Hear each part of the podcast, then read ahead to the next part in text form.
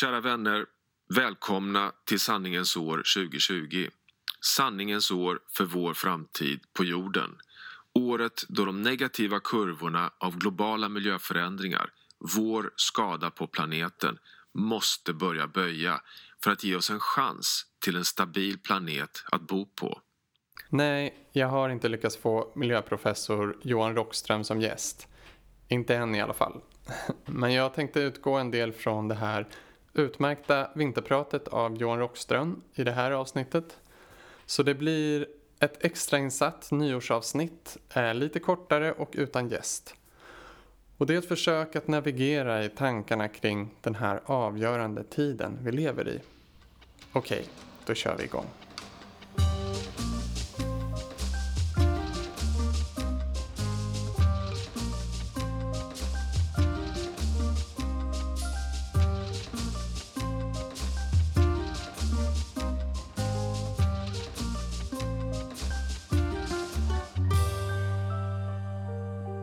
Hej!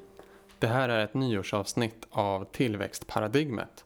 En podcast om vårt ekonomiska system, våra globala kriser, tillväxtens drivkrafter och om omställning till ett verkligt hållbart samhälle. Jag heter Hannes Anagrius och podcasten ges ut i samarbete med nätverket Steg 3. Och det är som Johan säger här det är ett sanningens år. Ett nytt decennium är här, 2020. Och det är också ett nytt år med spännande avsnitt från tillväxtparadigmet. Till exempel kommer vi prata om vad som skapar ekonomiskt värde och vad som driver tillväxt med forskaren Mikael Malmeus och även med den ekologiska ekonomen Lina Isaks och professor Alf Hornborg där vi också försöker förstå världssystemanalys och teknikfetischism. Vi kommer prata mer om global miljöorättvisa och matsuveränitet med Gloria Jimbaga från Afrikagrupperna. Vi kommer prata om naturens rättigheter med aktivisten och förra årets pristagare som WWFs miljöhjälte Pella Thiel. Sen kommer vi ta reda på vad pengar är, hur de skapas och hur finanssystemet och skulder är kopplade till tillväxtparadigmet. Så mycket spännande väntar. I det här avsnittet tänkte jag dela hur jag tänker kring det här bizarra att människan kanske det här året kan bestämma hela jorden och alla kommande generationers framtid. Hur ska man tänka? Hur ska man känna för att inte få allt för mycket existentiell ångest eller bara stoppa huvudet i sanden? Jag tror att det behövs ett slags dubbeltänk för att förstå. Både inse att det kommer gå riktigt illa med klimatet och jordsystemet, nästan oavsett vad vi gör. Men samtidigt kommer vi kunna göra samhället så mycket bättre och anpassa oss. Jag tror att vi kommer göra en otrolig omställning till ett fossilfritt, hållbarare och på många sätt bättre organiserat samhälle. Vår tillväxtbaserade oljeekonomi är en parentes i världshistorien som till slut blir olönsam även kortsiktigt. Samtidigt som den nya tekniken möjliggör en smartare ekonomi som har en annan logik än det nuvarande ekonomiska systemet. Det finns mycket som tyder på att den här omställningen börjar förberedas, som jag kommer in på. Och i längden så är den oundviklig. Så denna utveckling tror jag kommer ske. Frågan är hur mjuk eller hård omställningen blir. Blir den proaktiv och planerad eller reaktiv och kaotisk? Säkrare människor och djurs välbefinnande? Står demokratin pall och undviker vi konflikter och krig? Samtidigt som omställningen kommer ske tyder inte mycket på att den kommer ske tillräckligt snabbt. Men det finns ändå all anledning att göra allt för att försöka. Att ta vara på den tid som vi inte riktigt har. Jag kommer tillbaka till varför. Ett tankesätt eller ett naturligt fenomen som Rockström och biosfärforskare pratar mycket om är självförstärkande eller balanserande mekanismer eller återkopplingsmekanismer.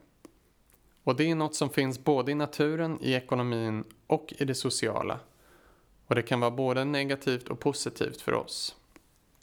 Vi har vant oss att tänka linjärt. Men börjar man tänka i självförstärkande och balanserande mekanismer så förstår man både hur akuta de ekologiska kriserna är men också möjligheterna till omställning och hur snabbt det kan gå. Rocksten beskriver väldigt bra i det här vinterpratet hur vår planet har genom balanserande mekanismer behållit sina egenskaper som gjort det möjligt för mänskligheten att leva här. Vi kan lyssna. Jorden har således, trots all stress och naturliga chocker från svängningar i solinstrålning, vulkanutbrott, asteroidnedslag och jordbävningar reglerat sig självt inom ett otroligt snävt spann. Minus 4 grader, då är vi i djup istid, till plus två grader, då är vi i en varm interglacial. I tre miljoner år. Helt otroligt. Framförallt eftersom vi vet varför. Det är jordens självreglerande förmåga, havens förmåga att absorbera och lagra värme, isarnas förmåga att reflektera tillbaka solinstrålning till rymden, skogarnas förmåga att ta upp koldioxid, naturens förmåga att vara ett kassaskåp för växthusgaser. Planeten är ett biofysiskt självspelande piano vars notblad håller sig naturligt inom minus 4 plus 2-skalan. Det här inger ödmjukhet. Ja, visst, jorden har funnits i 4,5 miljarder år. Men det är faktiskt bara under de senaste 3 miljoner åren som jorden har sett ut så som vi känner den. Kontinenterna var ungefär på dagens plats. Polerna var isbelagda. Atmosfären liknade dagens. Jorden, vår jord, har bara funnits i tre miljoner år. Alla jämförelser längre bak i tiden blir ganska meningslösa. Vår planet kan befinna sig i tre olika jämviktslägen. Antingen befinner sig jorden i en djup istid, som för 20 000 år sedan, med stort istäcke på norra och södra halvklotet och över två kilometer is över våra huvuden här i Sverige med is som når ända ner till Berlin. Eller så befinner sig jorden i en interglacial, ett mellanläge, som är ungefär som idag, när vi fortfarande har permanenta isar vid polerna och glaciärer på land och en biosfär med skogar och sjöar så som vi känner den. Det är de här två jämviktslägena och bara de här två lägena som planeten varit i under de senaste tre miljoner åren, det vill säga hela Pleistocen.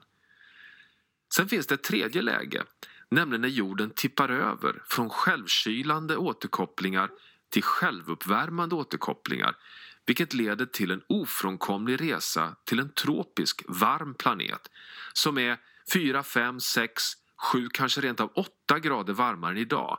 Där i princip all is är borta. Havsytan är över 15 meter högre än idag och förutsättningarna för liv fundamentalt annorlunda över hela planeten. Det är det här vi kallar Hot House Earth. Eller Heiszeit, varm tid på tyska detta är en av vetenskapens största utmaningar, att testa om vi har rätt. Står eller står inte planeten pall för högre temperatur än 2 grader? Men min slutsats idag, baserat på den kunskap vi har nu, är att den planetära smärtgränsen för att undvika highside ligger med stor sannolikhet vid 2 grader. Allt över 2 grader är med stor sannolikhet att betrakta som permanent skada för våra möjligheter på jorden. Just nu rör vi oss längs en väg som tar oss till mellan 3 till 4 grader om 80 år när dina barn har egna vuxna barn. Så vi befinner oss alltså troligen nära gränsen till det tredje jämviktsläget Hot House Earth. Inte som att det kommer slå över från en dag till en annan men när vi når en global tipping point så kan vi inte stanna och vi rullar ner för backen i några hundra år tills vi är i Hot House Earth. En glaciär har självförstärkande mekanismer på samma sätt.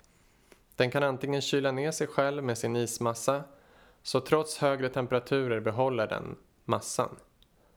Eller så är den självförstärkande åt andra hållet och smälter ner sig själv vid högre temperaturer. Och när den övergår från självkylande till självuppvärmande är dess tipping point. Precis så fungerar hela jordsystemet.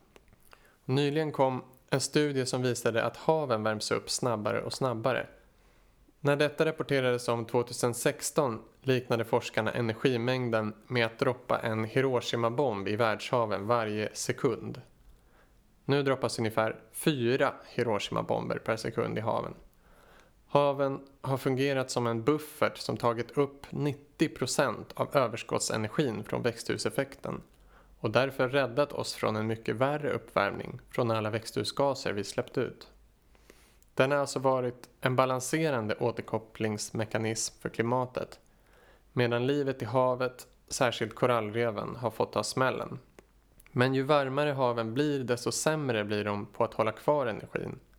Efter en viss gräns slutar haven vara en värmebuffert och då kommer växthusgaserna värma upp jorden ännu snabbare. Men på samma sätt som återkopplingsmekanismer i naturen kan våra ekonomiska, politiska och sociala system vara balanserande eller självförstärkande. Till exempel den fossildrivna ekonomin har varit väldigt motståndskraftig. Trots all vetenskap, all diskussion, allt opinionsstöd, protester, aktioner och flera välvilliga politiker med ambitioner har den behållit sitt grepp om världsekonomin, spridit lögner och myter, hotat regeringar, tagit över regeringar och så vidare. Men den har en tipping point, en peak. Vi kanske redan har passerat den. Trots att vi bränner rekordmycket fossila bränslen kanske omställningen redan är ostoppbar med den teknikutvecklingen av bland annat förnybar energi och batterier samt det sociala trycket, krismedvetenheten tillsammans med att kolen och oljan blir dyrare och riskfullare att utvinna. Det är bara fossilindustrin som vill förlänga sin egen period, sitt eget jämviktsläge, så länge som möjligt. Och finanssystemet agerar som en buffert till oljeekonomin eftersom värdet på finansiella tillgångar bygger på vad marknaden tror att det är värt så försöker man så länge som möjligt upprätthålla tron på att fossila tillgångar är värdefulla. Och i och med att marknaden tror det så blir de värdefulla. Finanssystemet agerar nu balanserande och upprätthåller tron på att de fossila tillgångarna har ett värde. Vi lyssnar på Rockström. När Saudiarabien introducerar sitt statliga oljebolag Aramco på börsen blir det genast världens högst värderade bolag. Marknaden satsar sina slantar på att Parisavtalet kommer att misslyckas. Så finansmarknaden tror fortfarande på olja. Men det är nog lite som med fastighetskraschen 2008. Vissa börjar ana oro men man vill hoppa av tåget så sent som möjligt. Men när fossilekonomin har nått sin tipping point kommer utvecklingen vara självförstärkande och gå snabbare och snabbare. Då kommer finanssystemet bli fossilekonomins fiende istället för dess vän. Och alla biljoner investerade pengar i olja och kol kommer förlora sitt värde, bli stranded assets. Många stora fondbolag har redan börjat sälja av fossila tillgångar och Europeiska investeringsbanken ska sluta investera i fossila bränslen helt från och med 2021. Dock krävs det mycket mer för att övertyga dagens finansmarknad om att världsekonomin inte behöver olja. Även om förbränningen av kol faktiskt har gått ner i världen 2019 tack vare kraftig nedgång i Europa och USA så ökade olje- och gasförbränningen. Fossila bränslen är trots allt fortfarande den absolut dominerande energikällan. Sociala och politiska rörelser och förändrade normer är också självförstärkande när de passerat en tipping point. Och då sker de i accelererande hastighet. Kanske har vi med Fridays for Future-rörelsen och alla andra protester av olika slag i världen redan passerat tipping pointen när rörelserna blir ostoppbara och går snabbare och snabbare. Åtminstone om vuxna hänger på, eskalerar proteströrelsen och tar in den i parlamenten.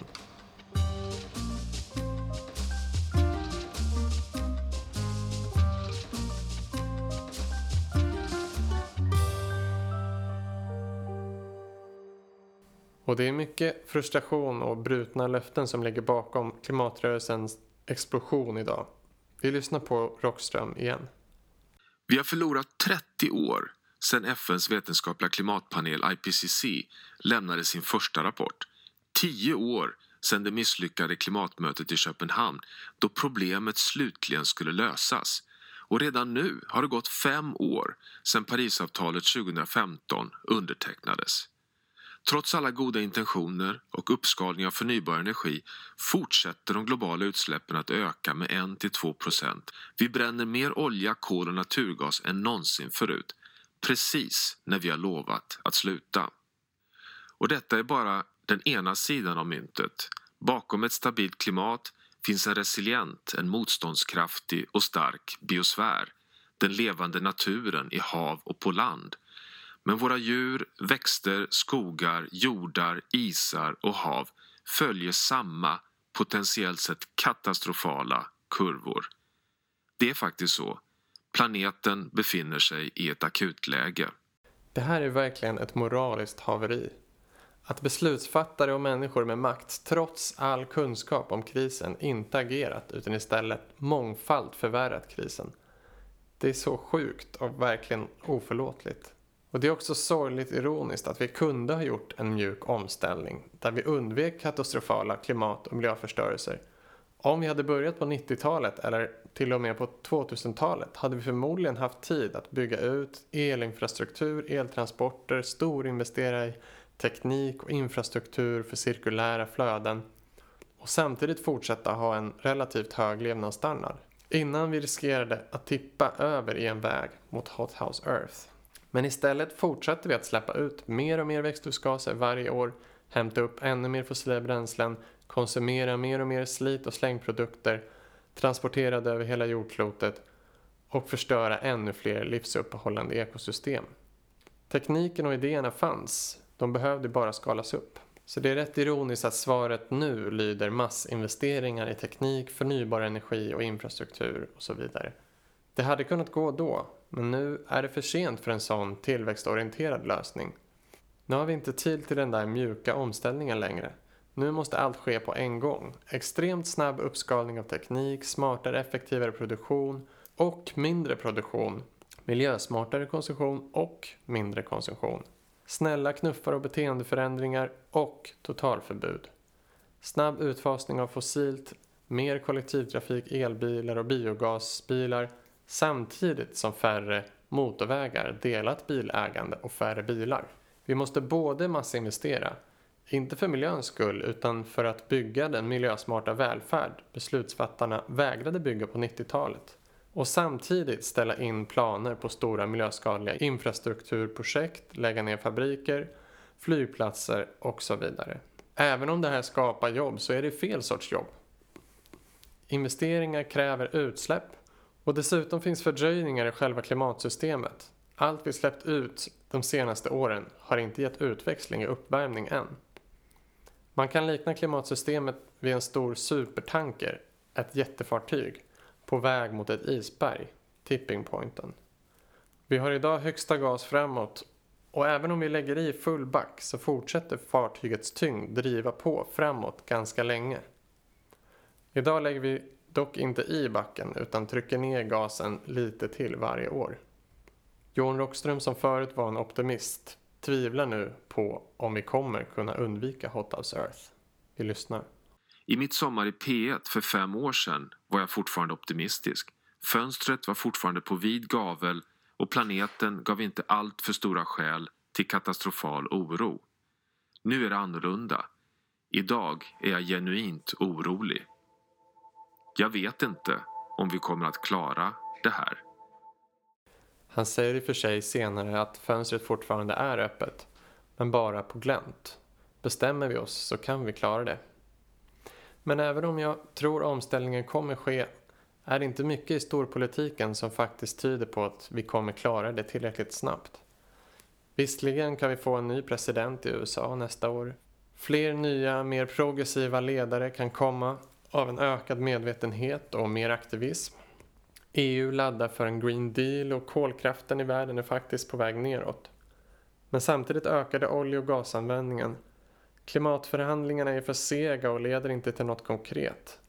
En hoppfull sak är att EU diskuterar klimattullar. Om koalitioner av länder som går före ska lyckas måste de få ta ut tullar för importerade varor med höga utsläpp.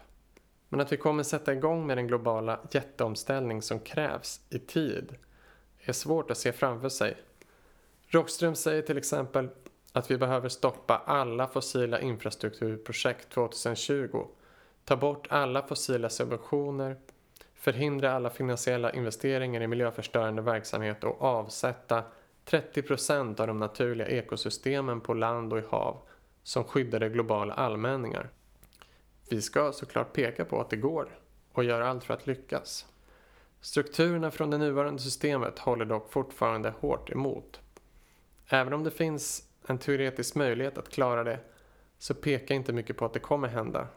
Jag säger inte att det inte kan hända, men oddsen talar emot. Troligen kommer vi inte att undvika klimatkatastrof, men det är ändå inte kört. Vi vet inte hur allvarlig klimatkatastrofen kommer bli. Vi vet inte hur motståndskraftig jorden är och vi vet inte hur snabbt vi har möjlighet att ställa om. För vi har aldrig provat. Så vi har all anledning att försöka. Men kanske hamnar vi till slut i rutschkanan mot jämviktsläget Hot House Earth. Vi måste också planera för att det faktiskt kan hända. Men det värsta som kan hända av att vi satsar allt på att ställa om samhället nu är att vi bättre kommer kunna anpassa oss i den kaotiska perioden när världssystemet tippar över. Som är en ganska lång period. Och att vi satsar på välmående framför hetsig, stressande arbetsliv och överkonsumtion. Att vi lär oss leva goda, hälsosamma liv på mindre resurser och mindre energi. Det värsta som kan hända av att försöka ställa om samhället är att vi får ett mer välmående, jämlikt, mer resilient samhälle den tiden innan jordsystemet spårade ur helt. Ett förnybart energisystem, lokaliserad matproduktion som förbättrar jorden, effektivare lösningar, mer grönt och så vidare. Allt ger oss också bättre förutsättningar att klara ett klimatkaos. Det bästa som kan hända däremot är att vi lyckas skydda jordsystemets resiliens, kraftigt minska utsläppen och lyckas suga tillbaks tillräckligt med koldioxid från atmosfären för att bromsa oss in i ett mellanläge där vi sakta, sakta kan stabilisera klimatet och undvika vägen mot Hot House Earth. Det kan faktiskt hända. Om ni tvivlar på att människor är benägna att ge stöd till en hållbar politik så vill jag säga dels att människor är väldigt anpassningsbara. Man gillar inte förändring men när förändringen sker så anpassar man sig.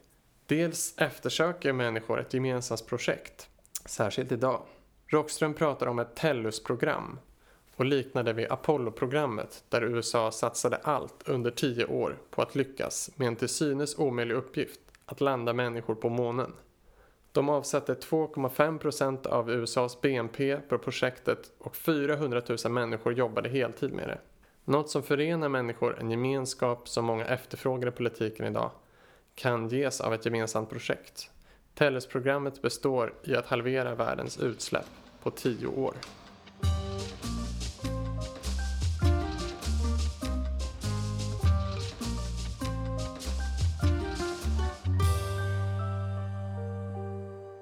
Hur kan vi förstå tiden vi lever i?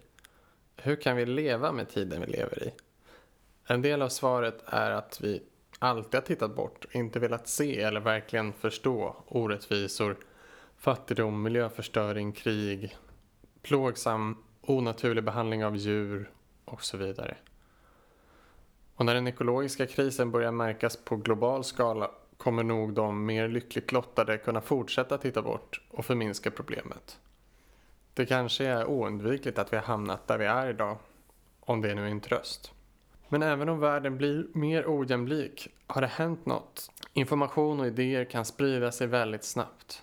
Människor är mer ihopkopplade nu, medvetna om världen och medvetna om att vi har en ekologisk kris och ett ohållbart system. Särskilt efter finanskrisen.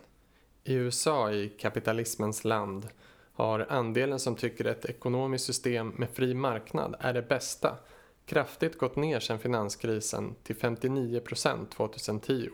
Lägre nu än i Kina. Jämfört med 80 procent 2002. Och 66 procent av amerikanerna tyckte förra året att staten snarare än marknaden skulle ansvara för att skydda miljön. Det är enligt opinionsinstitutet Gallup. Inte för att vi någonsin haft en så kallad fri marknad. Den har alltid varit styrd av ett regelsystem och beroende av stat, den informella ekonomin och av naturen. Men det visar att tilltron till det ekonomiska systemet går ner. och framväxten av partier som åtminstone framstår som att de bryter med det etablerade både till höger och vänster växer överallt i världen på bekostnad av de etablerade partierna.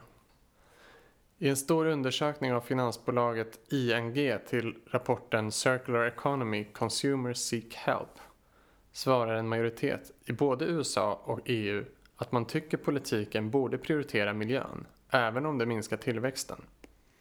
De flesta tror också stora strukturella åtgärder behövs. Fler i Sverige hade hellre gått ner i arbetstid än fått högre lön om de kunnat. Ungefär hälften av befolkningen i Sverige svarade 2018 i SOM-institutets undersökning att de tycker sex timmars arbetsdag är ett mycket eller ganska bra förslag. Vi lever i en extremt konsumtionsinriktad kultur samtidigt som väldigt många människor längtar efter något annat. Idag konsumerar vi mer och mer och konsumtionen blir en större och större del av våra liv.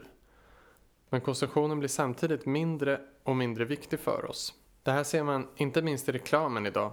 Den representerar inte längre produkter och deras materiella kvaliteter utan de talar nästan uteslutande om immateriella värden som kärlek, gemenskap, identitet och på senare tid om samhällsansvar, miljöansvar och känslan av att vara en aktivist eller en del av en rörelse. Det man får är dock fortfarande prylar eller tjänster som har väldigt lite att göra med de här större värdena. Vilket nog ofta känns som en besvikelse. Folk har blivit så vana vid den här påklistrade känslan av en större mening att man blivit osäker på om det ens går att ägna sig åt äkta meningsfulla aktiviteter. Jag har hört många säga till exempel jag vill jobba med något som känns meningsfullt. Känns meningsfullt. Jag vill själv jobba med något som är meningsfullt. Många arbetsplatser försöker skapa en känsla av gemenskap, syfte och mening för de som arbetar. Men precis som reklamen är syftet att få arbetarna att bli produktiva för att kunna sälja mer. Inte att väga fördelar och nackdelar med alla konsekvenser kring sin produktion och fundera på vad som skulle ge störst samhällsnytta på lång sikt. Vid alla målkonflikter så väljer ett börsnoterat aktiebolag maximal vinst till aktieägarna. Och de har tvingats med både småföretag och kommuner och stater, organisationer och individer på samma tänk. Men det finns mycket som inte följer den här logiken och kan existera ändå. Och när ekonomin krisar växer alltid andra logiker fram, där det är samarbete och tillit som är i centrum. De här lokala initiativen kommer vi prata om längre fram i podden. Vi har ett otroligt underskott av mening i samhället. Den perfekta lösningen är alltså att organisera sig med andra för att förändra politiken eller praktiskt ställa om samhället. Det bedrägliga påklistrade hoppet att vi ska minsann klara den här klimatutmaningen om vi alla drar vårt strå till stacken. Att ny teknik, konsumenters val mellan produkter som är mer eller mindre skadliga, politikers klimatmål och företags goda vilja ska räcka för att rädda klimatet är ett hopp som gör oss passiva. Det är därför jag säger de här domedagsfulla sakerna. Det kommer inte fixa sig själv. Som Greta säger, I don't want you to be hopeful, I want you to panic. En känsla av nödläge gör att vi agerar. Och som hon sen säger, Once we start to act, hope is everywhere. So instead of looking for hope, look for action. Then and only then hope will come.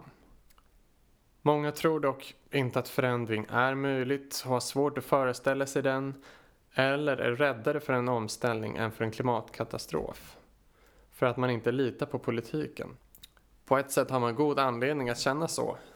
I till exempel världens diktaturer kör man över människors frihet och rättigheter. Och även i demokratiska länder så stärks auktoritär kontroll. Det finns gigantiska problem med korruptionen, den representativa demokratins balansgång mellan intressen och kompromisser och den stora distansen mellan parlamenten och folket framstår ofta som hyckleri. Jag tror ändå vi underskattar hur lättpåverkade toppolitiker är i en demokrati, men även i mindre demokratiska länder. De styrande politikerna måste ha majoritetens stöd för att kunna regera. i diktaturer kanske inte en majoritet men en stark, relativt stor minoritet. Politiker försöker formulera en historia om samhället som folk förstår och känner igen sig i. Men om en stor del av befolkningen börjar berätta en annan övertygande historia så måste politiker skapa politik som är i linje med den historien. Du är maktlös som individ. Det du gör spelar ingen roll för klimatet eller för samhället i stort. Men samtidigt är du inte maktlös. För att det är vad många gör tillsammans som upprätthåller, skapar och kullkastar samhället. Om en betydande del av befolkningen slutar arbeta stannar samhället. Om alla kräver en viss förändring så måste beslutsfattare följa. Om tillräckligt många berättar en historia om samhället måste media förmedla den historien och ett nytt paradigm kan etableras. Man brukar säga att en rörelse kan vara typ över 15 procent av befolkningen. Är de övertygande och presenterar något bättre, då kommer resten successivt hänga på. De flesta är följare.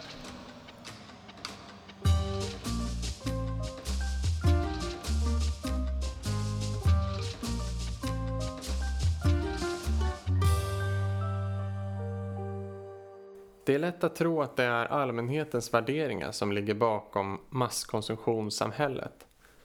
Men för det första, det finns inget naturligt i hur människor lever idag. Masskonsumtionssamhället är ungefär bara 60 år gammalt i västvärlden och det mesta har hänt de senaste 30 åren. Kan vi förändra vårt sätt att leva så snabbt så kan vi förändra det igen. Många psykologer studerar varför folk konsumerar vad är det för ha-begär som driver oss? Men den enkla anledningen är nog, som Christer Sanne sa i ett tidigare avsnitt, att folk konsumerar för att de kan. De flesta gör av med sina pengar på någonting. Köpkraften är en stor del av problemet. Och det är på samma sätt lätt att tro att det är folks förändrade värderingar som ligger bakom den framväxande politiken som är mer auktoritär, konservativ, nationalistisk och klimatskeptisk.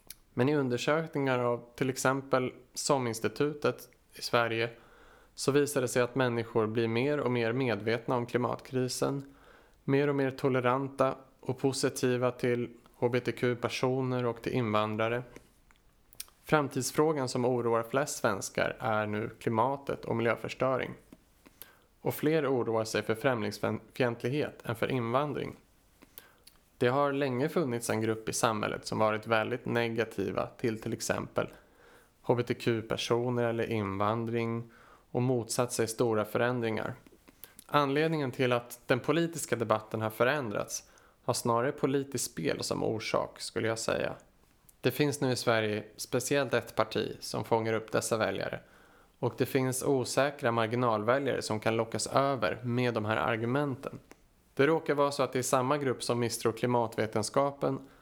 Många är också missnöjesröster och populistiska partier fångar upp allt missnöje och misstro och framstår som en opposition.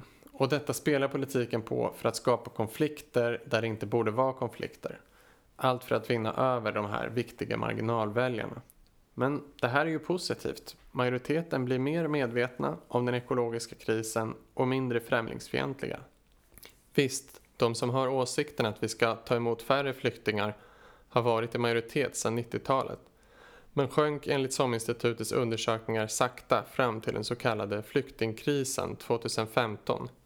Flyktingkrisen är ju egentligen värre idag i världen men Sverige märker inte av den lika mycket längre. 2015 var det nästan lika många osäkra som de som tyckte vi skulle ta emot färre flyktingar. Men efter politiken svängde så svängde också befolkningens åsikter och andelen som tyckte vi skulle ta emot färre flyktingar gick snabbt upp. Och det här visar ju att om politiken och media berättar en historia så litar många på den. Det är också fler idag som vill öka arbetskraftsinvandringen än de som vill minska flyktinginvandringen. Så kanske har det för många mer att göra med oro över ekonomi och integration än för rasism även om oron ofta är obefogad. Återigen, de flesta är följare. Det gäller att förändra agendan, vilket de invandringsfientliga har lyckats med. Som sagt tycker drygt hälften av befolkningen, och något som länge varit en majoritet, att vi ska jobba mindre. Kanske det kan fångas upp av en politisk agenda och en historia. Så låt oss därför förändra huvudfokus och agendan i den politiska debatten mot verkliga problem. Samtidigt som supertanken är på väg mot isberget så jobbar massor av människor med att dels göra livet bättre på det gemensamma fartyget, dels förbereda livbåtar, verktyg och så vidare för en smäll i isberget. Och dels på att försöka sakta ner och till slut backa det här stora fartyget. Och vi vet inte hur stark kraft motorn har som tar oss åt andra hållet, bort från isberget. Så bli en del av de som jobbar för att rädda jordskeppet. Så vi söker alla mening och att organisera sig med andra för ett bättre samhälle ger mycket mer än det tar. Det var allt för den här gången. I nästa avsnitt så grottar vi ner oss lite med forskaren Mikael Malmeus om rekyleffekten och vad som skapar ekonomiskt värde och tillväxt. Så missa inte det. Och sprid gärna podden till era vänner och följ den på Instagram och Facebook. Alright, hejdå!